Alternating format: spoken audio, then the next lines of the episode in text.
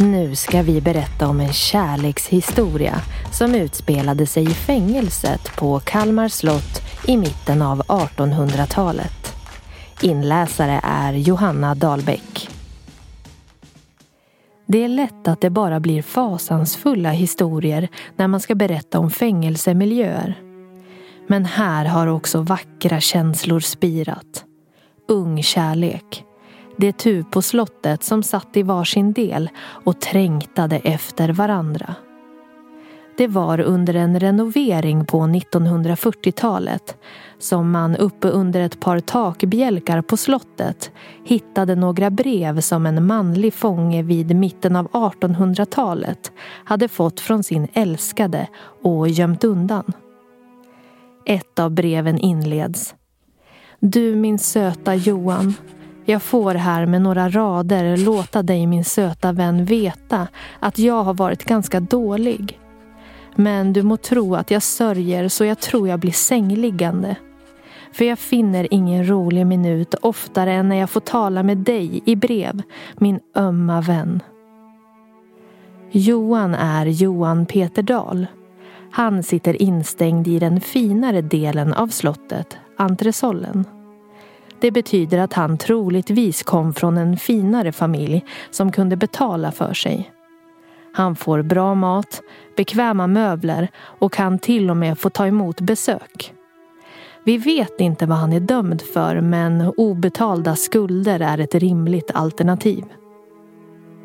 Den som skriver till honom är 17-åriga Dorotea Öberg.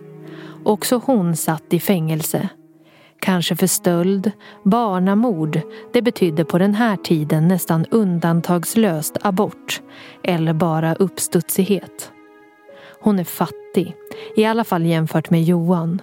Skriver som en kratta, men i alla fall förståeligt och har inga förhoppningar om att det någonsin kommer bli de två. Hon oroar sig över sitt anseende och skriver om dina föräldrar får höra att du är bekant med en sån dålig flicka må du tro att de inte tillåter dig ingå något sådant förbund. Även om giftermål är utom räckhåll så vill de ändå vara nära varandra. Johan ska be sina föräldrar hjälpa Dorotea ur fängelset så hon kan börja tjäna piga hos hans familj. Bara de får vara nära varandra. Likväl vill jag gärna både leva och dö på den ort där du alltid finnes, svarar hon när han har lagt fram sitt förslag. Vi kan bara spekulera i hur de två har träffats då de sitter i vitt skilda delar av slottet. Men de har båda varit arbetande fångar och kan ha sett varandra när de har rört sig inne på slottsområdet. Kanske kände de till varandra redan innan de hamnade här. Några brev från Johan till Dorotea har aldrig hittats. Och det är en begränsad mängd brev som låg instoppade där under takbjälken. En dag har de upphört att komma. Därför vet vi inte heller slutet på kärlekshistorien. Fick de någonsin varandra? Kanske blev Dorotea som skriver att hon är sjuk sämre och dör.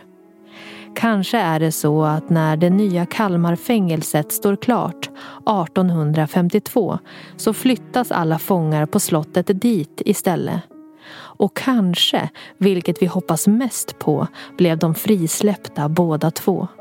Johans föräldrar tog Dorotea som piga och de två förälskade fick leva lyckliga sida vid sida, om än inte som äkta makar, livet ut.